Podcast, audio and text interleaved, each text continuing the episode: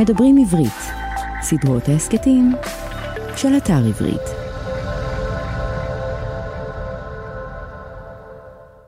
לכתוב ספר בכלל זה לא דבר קליל. לכתוב ספר על השואה זה דבר קשה, לכתוב ספר על המשפחה שלך, שחלק ממנה הושמד בשואה זה על סף הבלתי אפשרי. ובטח לכתוב ספר על השואה שלא דיברו עליה, שהושתקה.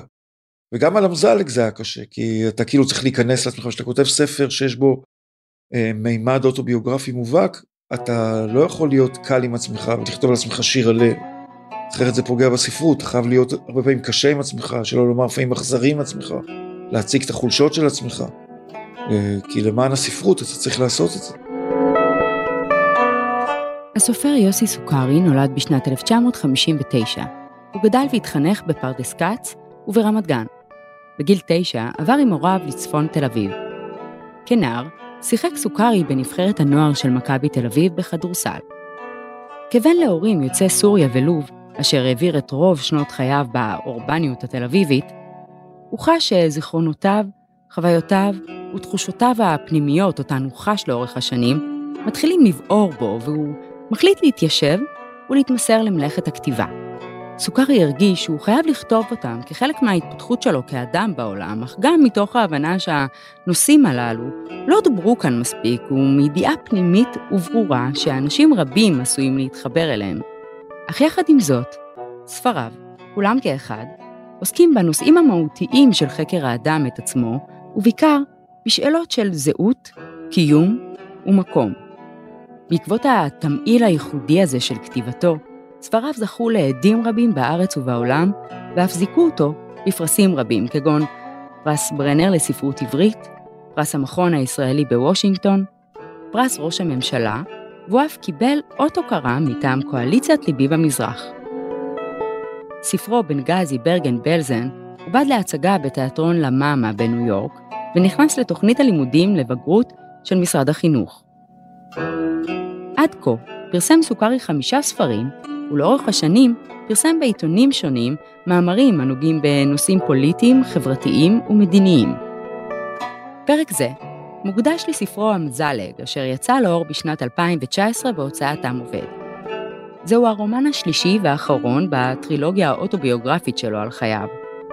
נשמע ממנו מה הוביל אותו לכתוב את הספר האישי וחשוף הזה, ובכלל, מהו המקום הזה אשר גרם לו לכתוב את סיפורו וסיפור משפחתו. מה היה הרגע שבו הוא הבין שהספרים שלו שינו את תודעתם של הקוראים? מהי עמדתו בנוגע לשאלה, האם יש דבר כזה ספרות מזרחית? ולמה הסיפור שלו הוא לא רק הסיפור של כולנו, אלא הוא בעצם הסיפור של האדם באשר הוא אדם.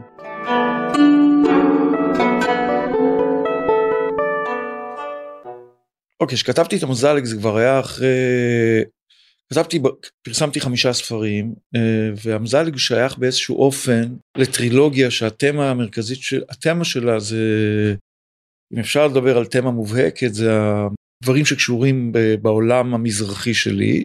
המזלג הגיע אה, אחרי, בקונטקסט הזה הוא הגיע אחרי מיליה ומלח הארץ, שזה ספר שאני מגול, שאני מגולל בו את היחסים שלי עם סבתי, ספר שיצא לפני כמעט 20 שנה ולשמחתי הרבה זכה לעדים מאוד גדולים ונחשב אה, לספר מאוד אה, אולי מכונן בכל מה שקשור לדמות של האישה המזרחית בספרות העברית. לאחר מכן כתבתי את בנגזי ברגן בלזן שהוא, אה, כשאני מדבר כרגע על השלושה, אני לא מדבר על שני הספרים האחרים שכתבתי שהם לא קשורים לזה. בנגזי ברגן בלזן בפעם הראשונה בעולם מספר את שואת יהודי לוף. אמזלג בא אחרי שני הספרים האלה. עכשיו אני חושב שכדי להסתכל על אמזלג ולחשוב על המוטיבציה שלי שבעטייה כתבתי את הספר הזה צריך לבחון את שני הספרים הללו לא את הספרים האחרים שכתבתי. אה, ובאמיליה ומלח הארץ באמת אני מספר אה, זה ספר שיש בו מימד אוטוביוגרפי מובהק אה, אני מספר בו על האופן שבו גדלתי כילד שגדל קצת מהזמן ברמת גן ורוב הזמן אצל סבתו בפרדס כץ ועבר פתאום בגיל צעיר לצפון תל אביב, אבל המשיך לנסוע כל הזמן לפרדס כץ, אה, ושם אני משרטט את הזרות שלו בקרב העולם החדש הזה שהוא הגיע אליו בצפון תל אביב, כתוצאה מהמוצא האתני החריג שלו. כשאני הגעתי לצפון תל אביב הייתי בן עשר, וזו הייתה חברה, זה היה שנות ה-70, זו הייתה חברה מאוד הומוגנית מבחינת האוכלוסייה שלה. אה, כל האוכלוסייה הייתה upper class של יהודים ממוצא אירופאי, אנחנו היינו די חריגים שם, לא הרגשתי שייך. כתוצאה מזה הייתי נוסע מדי פעם לפרדס כץ, יש שם איזו שורה שאומרת שכשאני נוסע מפרדס כץ לבצ... לתל אביב, אני כל יום מחליף שני אוטובוסים ועולם. אז אה, בקונטקסט הזה אני אה, דיברתי על הזרות ועל הניכור שלי ועל הרצון שלי להתערות לנוכח זה שסבתי אה, לא ביקשה להתערות בחברה הישראלית, כתוצאה מזה שהיא הרגישה מאוד מאוד מאוד זרה, הרגישה שמחקו את התרבות שלה והיא תמיד רצתה לשוב לחיות ב... יש שם משפט שהיא אומרת, שהיא מבקשת ממני שאחרי שהיא תמות שאני אקבור אותו בבנגזי. אז היא אומרת, היא מנמקת את זה במשפט, היא אומרת, אדם צריך להיקבר איפה שהוא חי, לא איפה שהוא מת. כלומר שהיא כמובן חיה, חשבה שהיא חיה בבנגזי ובעצם מתה פה, למרות שפה היא חיה. אה, אני כנער כל הזמן רוצה להתערות בחברה הישראלית, אני לא רוצה את הכובד של המשקל של סבתא שלי, ואני ממש מבקש להתערות בתוך החברה הזו, החדשה, התל אביבית, ושם אני באמת משרטט אותה כמישהי שהיא אנטיתטית, כלומר שונה בתכלית השינוי מהדמות של האישה המזרחית, כפי שהיא רווחת בספרות העברית מאז ומעולם. סבתי מתוארת שם כמי שהיא אה, שונאת את המטבח, לא אוהבת לבשל, לא, לא בעניין, לא בראש שלה לגדל ילדים, זה לא הדבר שהוא מגדיר אותה. היא לא כזאת חמימה, היא יודעת הרבה מאוד שפות, לא ציונית נלהבת כל כך, ו-on top of everything היא ניצולת שואה. זאת אומרת שזה משהו שאנשים לא האמינו בכלל שהוא קיים. זה היה נראה להם מטורף, בפעם ראשונה שבאמת יש דמות כזאת. הספר מגולל בגדול את, היחס, את הרצון שלי להיטמע ולהתערות בחברה הישראלית ואת הרצון שלה למשוך אותי ממנו. היא אומרת לי, תעזוב את ישראל, תיסע לכל מקום בעולם, אל תחי רק לא בישראל ולא בגרמניה, כי כמובן גרמניה היא זוכרת את, כל העניין עם הנאצי, כמי שהייתה מחנה ריכוז אה, בעצמה. כשכתבתי את הספר הזה, אז הרבה מאוד אנשים, ואני מדבר על אנשים, אני מדבר על אנשים שהם לפחות על פי עמדותיהם שלהם, הם שייכים לחוד החנית של האינטליגנציה הישראלית, הם אמרו, יואו, מה, באמת יהודי לוב היו בשואה? כי יש שם איזה משפט אחד שמוזכר בלבד. אחרי שסבא שלי מת, אני רוצה להכיר לסבתי את מר אפל כדי שהיא לא תהיה לבד. ואז אני מכיר לה את מר אפל, והם מתחברים. הם מוצאים את שהמחנה המשותף שלהם, בין היתר, זה העובדה ששניהם היו במחנה ריכוז. והוא אשכנזי והיא צפון אפריקאי. ואז אנשים אמרו לי כשהם קראו את המשפט הזה, מה באמת יהיו? אנשים שהם פרופסורים, סופרים, פילוסופים, מדענים. ואז הבנתי שאני חייב לכתוב את בנגזי ברגן בלזן. בתווך כתבתי עוד שני ספרים, אבל כל הזמן זה ישב לי הבנגזי ברגן בלזן. ובמגזי ברגן בלזן פרסתי לחלוטין את כל הסיפור של שואת יהודי לוב בצורה מאוד מאוד מפורטת ועמוקה ומדויקת, וכמובן ששמחתי שהספר הזה זכה בפרס ברנר ועורר עדים בארץ ובחו"ל. הייתה הצגה על פיו במנהטן בניו יורק, זה מאוד מאוד שימח אותי, הצגה בברודווי, באוף ברודווי. אני לא שייך לסופרים האלה שחייבים להוציא ספר כל שלוש שנים. לא מעניין, כי אני חושב שסופר הוא לא עובד רגיל, ולכן אני אף פעם לא בניתי להתפרנס מהספרים, לא רציתי שמישהו ישלוט עליי. אני כותב רק כשמשהו מטריד אותי. ואז אחרי כמה זמן, העניין הזה של הזהות שלי הטריד אותי, תמיד הוא מטריד אותי, אבל הוא פתאום קיבל איזה מין צביון חדש, ואז כתבתי את המזלג. באמיליה, הזרות של הגיבור שלי היא כמעט טוטאלית. ובנגזי ברגנבזן זה ספר שאני מסתכל מבחוץ, ובאמזלג יש שם איזה סוג של התפייסות חזקה מאוד, ואני הייתי חייב להביא לידי ביטוי את ההתפייסות הזאת, אבל ההתפייסות הזאת היא לא אה, מוחלטת, כי אמזלג נשאר תלוש, כאילו, כלומר, הוא לא מרגיש נוח באווירה של ישראל החדשה וישראל, הוא לא מרגיש חלק, נדבך אינטגרטיבי של ישראל, אבל הוא גם לא מרגיש זועף עליה במיוחד, היא לא מעוררת בו אנטגוניזם כל כך גדול, הוא חי בעולמות שלו, שהם יותר בכיוון של ים תיכוני אירופאי כזה, והוא גם לא מוצא את עצמו, כמו שהוא לא מוצא את עצמו בישראל, הוא גם מנסה לנסוע למרוקו ומנסה לנסוע ללוב, והוא לא, מוס, והוא לא מוצא את עצמו גם שם. כלומר, אין לו את האידיאליזציה הזאת שבעולם הערבי היה כזה מגניב וכיף. לא, הוא מגיע לשם והוא מרגיש זר לחלוטין, אין לו שום חיבור למקום הזה. ואני רציתי לשרטט את הדבר הזה, באמת, את, גם את התחושה של החוסר מקום וחוסר שייכות והזהות המאוד מאוד רב גונית שלי, כי אני מצד אחד תל אביבי, מצד שני אני מזרחי לחלוטין, מצד שלישי, אני מגיל תשע בתל אביב, את מבינה, ואני עברתי כאן את כל החיים התל אביבים, את המועדונים, את, אני מכיר את, את כל הגוונים של העיר הזאת ואת כל המופעים שלה ו, ואת כל קיצורי הדרך שלה אפילו הפיזיים. תמיד, אף פעם כאילו אותי באופן אישי לא הדירו באיזשהו אופן אה, ברור, כאילו, זאת אומרת, הייתי תמיד מקובל בהרבה מקום, אבל אני הרגשתי זר, כי תמיד הרגשתי שאני שייך לסבתא שלי ולאימא שלי וכל המסורת הלובית הזאת. שהייתה זרה לחלוטין לחברים שלי שגדלתי איתם. אז לא הרגשתי שייך, לא בגלל שמישהו אמר לי משהו, להפך, במובנים קיבלו אותי, כאילו. גם כשהייתי צעיר, נסמכתי על העובדה שכזה, הייתי חסר ביטחון מהמקום החדש הזה, אבל נסמכתי על העובדה שנראיתי טוב, כזה שהייתי ילד יפה כזה, אז, אז זה איכשהו הציל אותי קצת בתוך כל הדבר הזה. כשכתבתי את המזלג רציתי לתת ביטוי לכל מארג התחושות האלה, וזה ספר שאין בו כמעט בכלל אנטגוניזם, שום דבר שמעורר אנטגוניזם, ספר שהוא כולו השלמה כזאת עם, עם באמת עם, ה, עם הרב גוניות של הזהות שלי, כלומר אני מזרחי, צפון אפריקאי, גד, תל אביבי, עמדות פוליטיות שמאל, בעל אזרחות אירופאית, בן משפחה לניצולת שואה. זה לא דבר שקיים אצל הרבה אנשים, שאני סיפרתי את זה לא מזמן על איזה בחור אנגלי שפגשתי אותו לפני איזה שנה, זה היה באנגליה, אז סיפרתי לו על כל המרכיבים האלה של הזהות שלי, הוא לא האמין, כאילו, ואני יכול להבין אותו, זה נראה באמת כאילו, ואני גם אזרח אירופי, אני גם בן משפחה ניצולת שואה, אני גם מזרחי, אני גם תל אביבי ובשמאל פה, וגם בן משפחה שיש לי סנטימנט רליגיוזי מאוד עמוק, וקשור מאוד לדת, באתי מבית מאוד מסורתי, על גבול הדתי, לא מדליקים בשבת דברים, לא זה, נרות, כל הדברים האלה. בית כנסת תמיד וזה, אז כל הערבוב הזה הוא באמת זה מה שאני, ואני חי איתו בשלום היום, ובאמיליה זה היה כזה כאילו שהוא, תיארתי את, הש, את, ה, את השלב היותר מוקדם שלי בחיים, שבו זה עובר באנטגוניזם, והיה לי נטייה למרד וזה וזה, ופה יש לי נטייה להשלמה עם השסע הזה. אני יודע שאני אני מפוצל, ואני חי עם זה בהשלמה, אני חי עם זה בכיף, אני חי עם זה בשלום, מגניב לי כאילו. אה, גדלתי גם בבית שמדברים בו איטלקית, התרבות האיטלקית שלטה, אז עכשיו שאני נוסע, אני בשנים האחרונות נוסע הרבה מאוד לאיטליה, וממש אני מרגיש שכאילו יש לי עוד מקום בעולם, שזה בייחוד רומא, שזה לא צפון איטליה כל כך, שזה משהו אחר, ולא דרום איטליה, שזה משהו אחר. רומא זה מין מרכז עם התחלת הדרום, וזו הוויה אחרת, ויש שם הרבה יהודים לובים שהם אה, אינטלקטואלים, פסיכיאטרים ופילוסופים. ואתה באמת רואה שאתה היהודים הלובים שהגיעו לרומא, לאן הם הגיעו? אני, פגשתי שם אנשים שהם מוזיקאים קלאסיים ברמה עולמית, שהם שייכים לתזמורות פילהרמוניות, שהם top of the line, שהם זמרי אופרה, פסיכיאטרים מהטופ של הטופ. אה, אה, יש מנתח לב אה, לובי מאוד מאוד חשוב. אנשים שנמצאים בחוד החנית של החברה, כאילו מבחינת המעמד שלהם. עכשיו, הלובים הם באמת, אנחנו קהילה כזאת, שאנחנו לא צורכים יותר מדי ולא מרימים קול, ומקבלים בהשלמה. בעיקר שרוב הקהילה היא ציונית, הגענו לארץ ישראל, וגם כל רוב הקהילה יש בה קו דתי כזה די חזק. אז אני חי היום בשלום עם הזהות שלי, ורציתי להביא באמזלג לידי ביטוי שלם, את כל הפסיפס הזה של הזהויות שלי, שהם הרבה מאוד זהויות.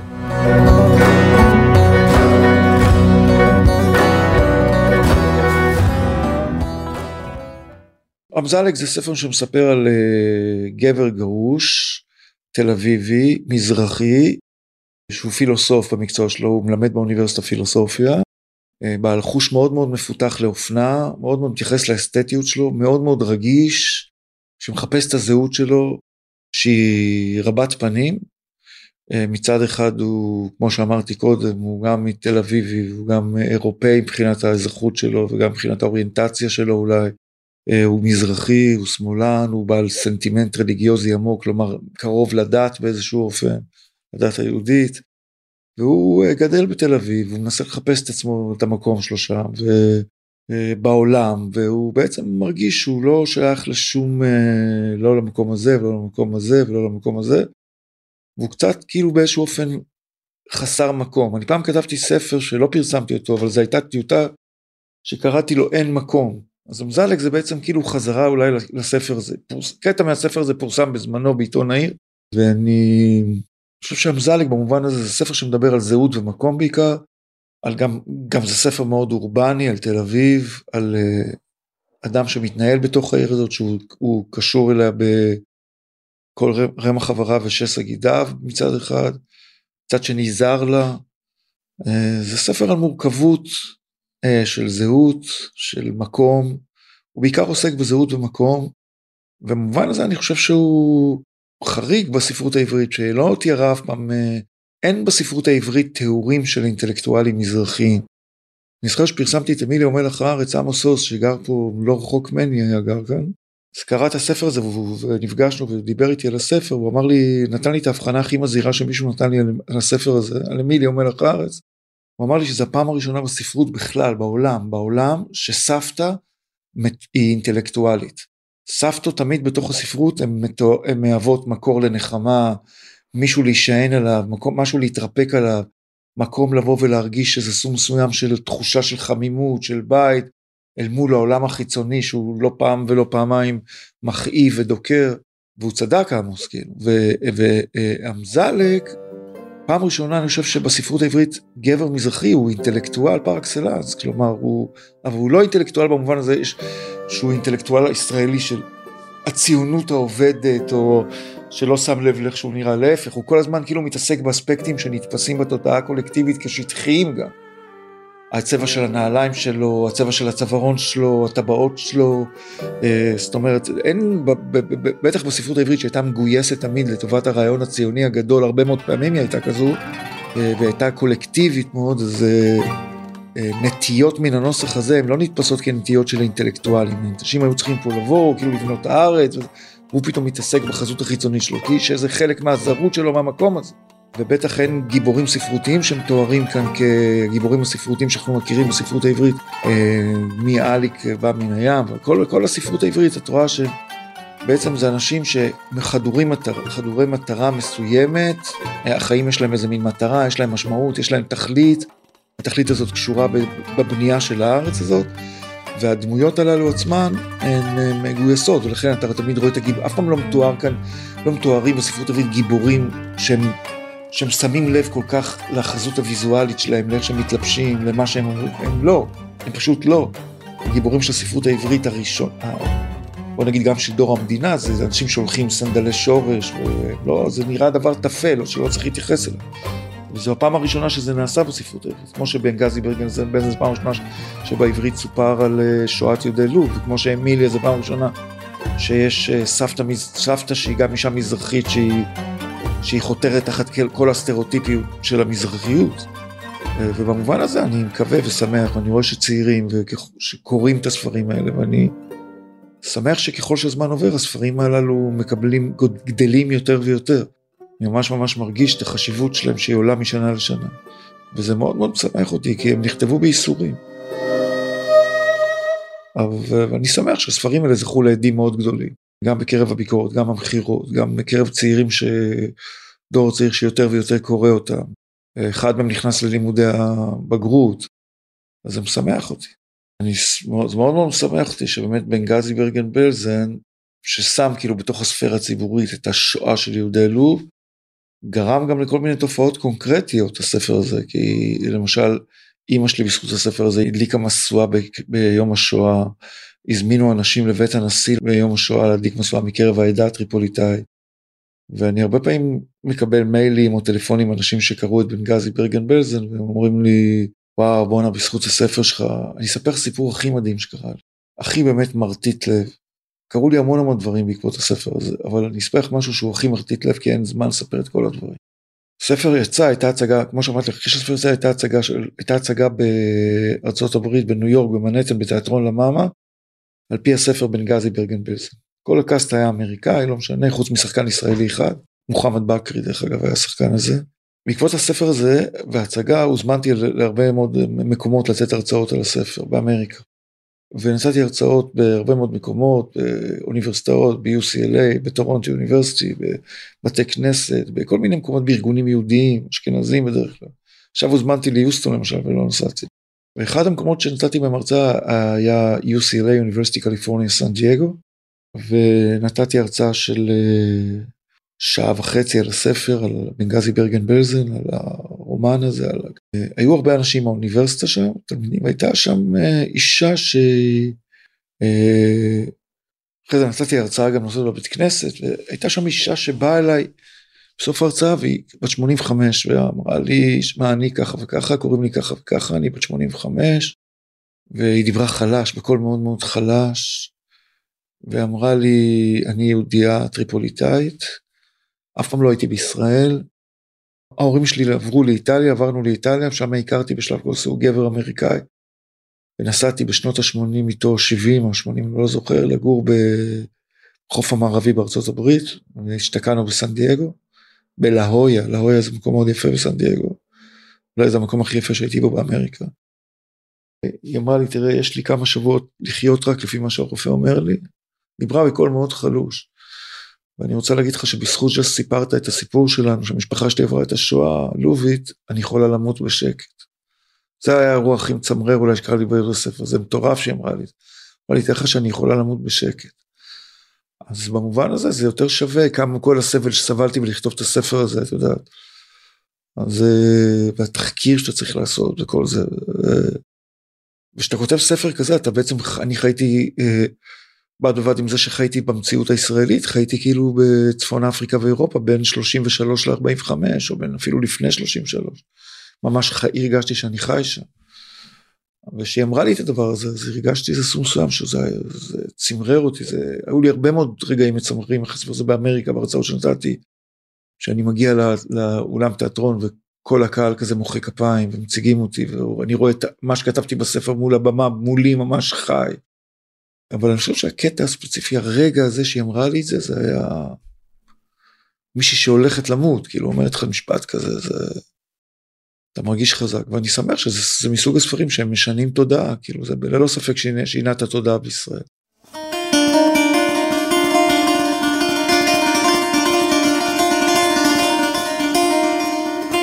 שני הדברים הללו שהם לכאורה חותרים האחד כנגד השני, העובדה שאין לי מקום, והעובדה שאני אה, מצד אחד מרגיש שלם, הם קיימים אצלי בכפיפה אחת. הם לכאורה חותרים אחד נגד השני, אבל אצלי הם, אצלי הם דרים בכפיפה אחת בתוך הסטרוקטורה הנפשית שלי. אין לי בעיה עם זה, אני ממש מרגיש טוב עם זה היום. אה, זה יכול להיות גם שקשור בעובדה שאני מימשתי את עצמי, את יודעת, זה גם יכול להיות קשור בזה שדווקא דרך אי השייכות אני מימשתי את השייכות, כאילו. כלומר, זה, יש כאן דיאלקטיקה כזאת, שדווקא בעובדה שאני לא שייך וכתבתי ומימשתי את, את הפרסונה העצמית שלי ואת האני הפסיכולוגיה שלי העמוק, אז דווקא הדבר הזה מקנה לי תחושה של שייכות. עכשיו, השייכות הזאת היא לא דווקא חייבת להיות חלק ממקום, חלק מזהות מאוד מובחנת וברורה, היא יכולה להיות ממשהו שהוא יותר ארטילאי, מאיזה סוג של סטיספקציה נפשית, מסוג של איזה סיפוק גדול מאוד שיש לי כתוצאה מהדברים שעשיתי בחיים, כתוצאה מהספרים האלה שכתבתי. אז uh, במובן הזה דווקא אולי אי השייכות הולידה בסופו של דבר את השייכות. לפעמים שאני אומר שאם הייתי גדל נניח סתם באשקלון, או בקריית שמונה, או במושב זיתן, אז היו לי פחות קונפרונטציות עם עצמי, פחות קונפליקטים, והייתי מרגיש יותר טוב, כי אתן לך תמונה, של התמונה שמתוארת באמזלג, שהתרחשה. אני מגיע לצפון תל אביב בגיל תשע לבית ספר, בית ספר שהוא כולו על טהרת היהודים האשכנזים. אמא שלי וסבתא שלי מגיעות בהפסקה הראשונה לתת לי خبزة, לחם, פרוסה, סנדוויץ' כזה גדול עם לחם. הן מגיעות לבושות כמו שתי זמרות לבנוניות, שמלות טורקיז, צבעוניות, מטפחות אדומות, יודעת, כל הסט של הלוביות האלה. מדברות ביניהן בבליל של איטלקית וערבית. ואני כזה רואה אותם, אני רוצה למות, אני, ואני רואה את כל, אני רואה את המורות שיוצאות מחדר המורים, שהן כמובן היו אשכנזיות, מסתכלות עליהן ומתפוצצות מצחוק ולועגות להן. זו התמונה הראשונה שלי שאני באתי למקום החדש, זה טירוף, כאילו. אז זה, זה דבר שהוא לא פשוט ולא קל. אבל uh, אני לא בן אדם, באופן עקרוני, משהו שהוא חשוב מאוד לגבי עצמי, אני אדם שאין בו שום זעם, אין בו, אין בו את ה... אין בי שום זעם, שום כעס, אין בי כלום כזה במובן הזה, אני אדם שהוא, כמו שאני מאוד מאוד לא זכוח דעת מצד אחד, אני גם מאוד מאוד לא, לא כעוס כזה, אני לא טיפוס כזה כעוס שמגיע לקונפרונטציות ולמריבות ולעימותים. אני לא אדם כזה, זה משהו שהוא לא באופי שלי, אני אה, חי בשלום עם הרבה מאוד סוגים של בני אדם, אה, אין לי מריבות בהיסטוריה שלי, אפילו לא פרסונליות ולא אחרות. אבל כשאני אה, חושב על זה, אז התיאור הזה באמת של, ה... של אמא שלי וסבתא שלי, זה תיאור מכונן בחיים שלי, זה לא דבר שאתה יכול להעלים אותו, כאילו זה פצע כזה, זה פצע בתודעה קצת, זה פצע שאתה צריך להתמודד איתו באיזשהו שלב. אז אתה לפעמים מדחיק אותו, אבל תמיד יש את הדבר הזה שפרויד קרא לו שובו של המודחק, אנחנו יכולים להדחיק דברים, אבל הם תמיד חוזרים אלינו ולא, ולא תמיד שאנחנו מוכנים להם, אלא בנקודות זמן שאנחנו לא מתכננים אותם. ואז הם פתאום מתפוצצים לנו. זאת אומרת, אתה יכול להדחיק, להדחיק, להדחיק, להדחיק, לשים את זה בסאב קונשנס. ואז פתאום בסיטואציה שאתה בכלל לא מוכן לה, אה, פתאום כל המודחק הזה חוזר לך והוא עומד מול הפנים שלך בצורה שלא משתמעת לשני פנים, כלומר שהוא בצורה מאוד מאוד ברורה וחותכת. עמנואל אמזלג, פילוסוף, גרוש פלוס שניים, בן להורים יוצאי לוב ומרוקו, תושב תל אביב, אשר עסוק כולו בשאלת הזהות, השייכות, השורשים, הבית, חווה לאורך הספר כמה אכזבות אשר גורמות לשאלות הללו לקבל הצדקה על עצם היותן. למשל, בזמן נהיגה, כאשר הוא מנסה להשתלב לנתיב אשר אמור להוביל אותו לביתו. אף נהג לא מאפשר לו להשתלב לנתיב, וסוכרי כותב שלא יחשוב כאילו יש לו מקום אצל אלה שנעים קדימה. או למשל, כאשר הוא מנהל זוגיות עם בחורה יוצאת ברית המועצות והיא נכנסת ממנו להיריון, אך נאלצת לעבור הפלה מאחר וההיריון הוא הריון חוץ רחמי. או כשהוא נוסע לספרד, להעביר הרצאה בכנס גדול ומכובד והוא חש כה נרגש ושייך, אך עוד לפני שהוא מספיק לעלות על הבמה, קורה באולם ההרצאות אסון והוא נאלץ לחזור לארץ מבלי לערוך את ההרצאה. אך מעל כל אלה, יש סצנה אחת שבה לראשונה בחייו הוא מרגיש במקום מסוים בית, ובדיוק שם מתחיל אמזלג לחוש בכאבי ראש חזקים, והוא נופל למשכב למשך תקופה ארוכה. ובאופן כללי זה מרגיש כאילו שום דבר לא באמת מסתדר לו. הוא לא מרגיש בשום מצב כאילו שהוא מגיע לאיזו סיטואציה שהוא מרגיש בה שלם, טוטאלי, בבית, מוחלט. וזה עוד ביטוי קונקרטי לדבר הזה, זה מאוד מאוד יפה באמת, אה, מה שאמרת. אה, אה, לא חשבתי על זה, אני חייב להודות, זה הכיף בספרות שאתה, שאנשים אינטליגנטים גלים לך על הספרות שלך דברים שאתה לא, לא היית מודע להם. אבל זה כנראה יוצא מהתת מודע כל הדבר הזה. המזל הוא כאילו, אבל עם כל זה שהוא, הוא כאילו גם מנצח, את מבינה? הוא גם כאילו, הוא ניצח, הוא אומר, אני לא צריך להיות שייך לאף מקום. אוקיי, אני לא מרגיש שייך לפה, לא, לא, גם לא כל כך צריך להיות שייך לפה.